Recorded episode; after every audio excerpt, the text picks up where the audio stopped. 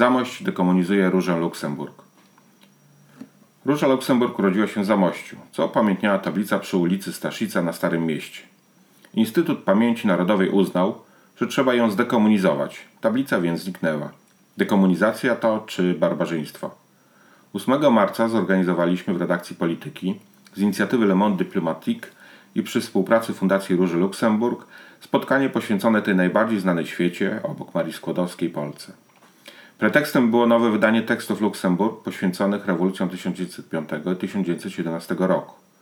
Wystarczyłoby, żeby inkwizytorzy z IPN sięgnęli po ten tom, ba, zerknęli do Wikipedii, by zrozumieć, że stwierdzenie, jakoby Róża Luksemburg była afirmatorką rewolucji bolszewickiej ze wszystkimi zbrodniczymi rezultatami, jak można przeczytać na fanpage'u oddziału gdańskiego IPN, jest godne absolwenta systemu edukacji, którym czyta się fragmenty książek i bryki, a nie pełne teksty.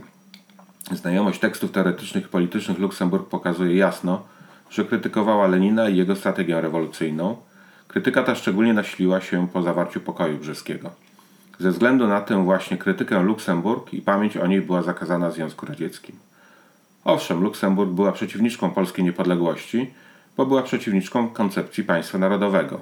Miała świadomość, że jest receptą na rzezie, czego ponuro spektakularnym dowodem stała się I wojna światowa.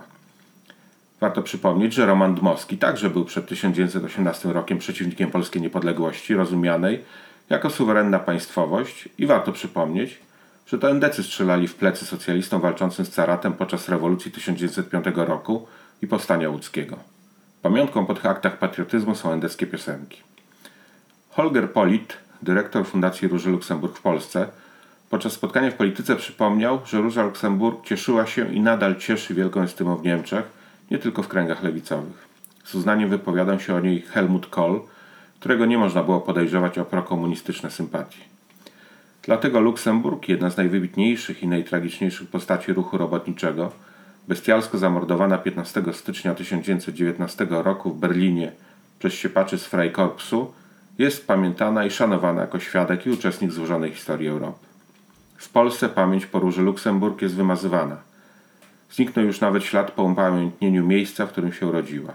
Prawicowe zaczadzenie, które prowadzi do takich decyzji, czy jeszcze absurdalniejszych działań na rzecz delegalizacji partii Razem, jako rzekomo krzewiącej totalitarną ideologię, zachęca do nowego odczytania słynnej alternatywy socjalizm lub barbarzyństwo, sformułowanej przez Luksemburg w 1915 roku.